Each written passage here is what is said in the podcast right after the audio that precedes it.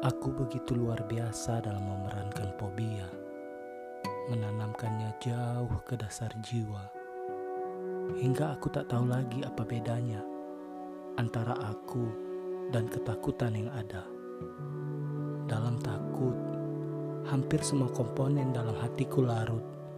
Tak ada sedikit pun penolakan, hanya manggut, menurut, menandakan bahwa diriku rela menyatu dan ikut dalam rasa takut yang berkabut.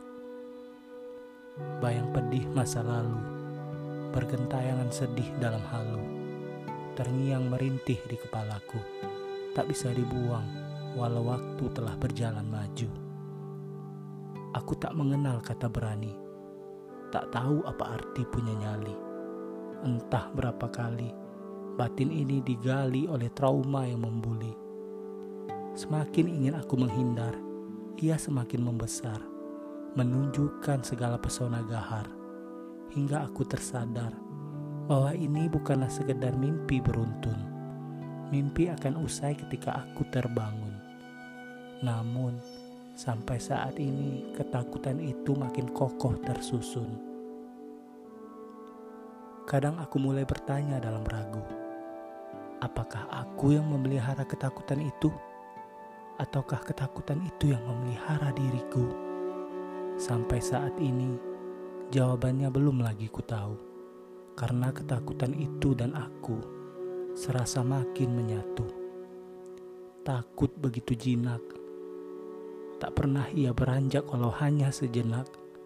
Melumat habis benak yang melunak.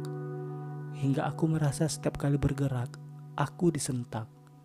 Jangankan untuk gerak, untuk berdetak pun aku dibentak. Fobia itu memenjara aku ke dalam kehendaknya. Ia marah ketika aku mulai bertanya, "Bolehkah aku tanpamu walau hanya sehari saja?" Tubuhku adalah tubuh ketakutan. Apa pun yang kulakukan menyedihkan, menjadi beban yang mengerikan. Berperan dalam ketakutan seakan menjadi keahlian. Sekalipun aku tak pernah lepas dari makna kengerian. Begitulah keadaan yang kini ku alami. Kudoakan, semoga kalian tak menjumpai teror horor mendominasi, menghantui, tanpa pernah menginginkan pergi.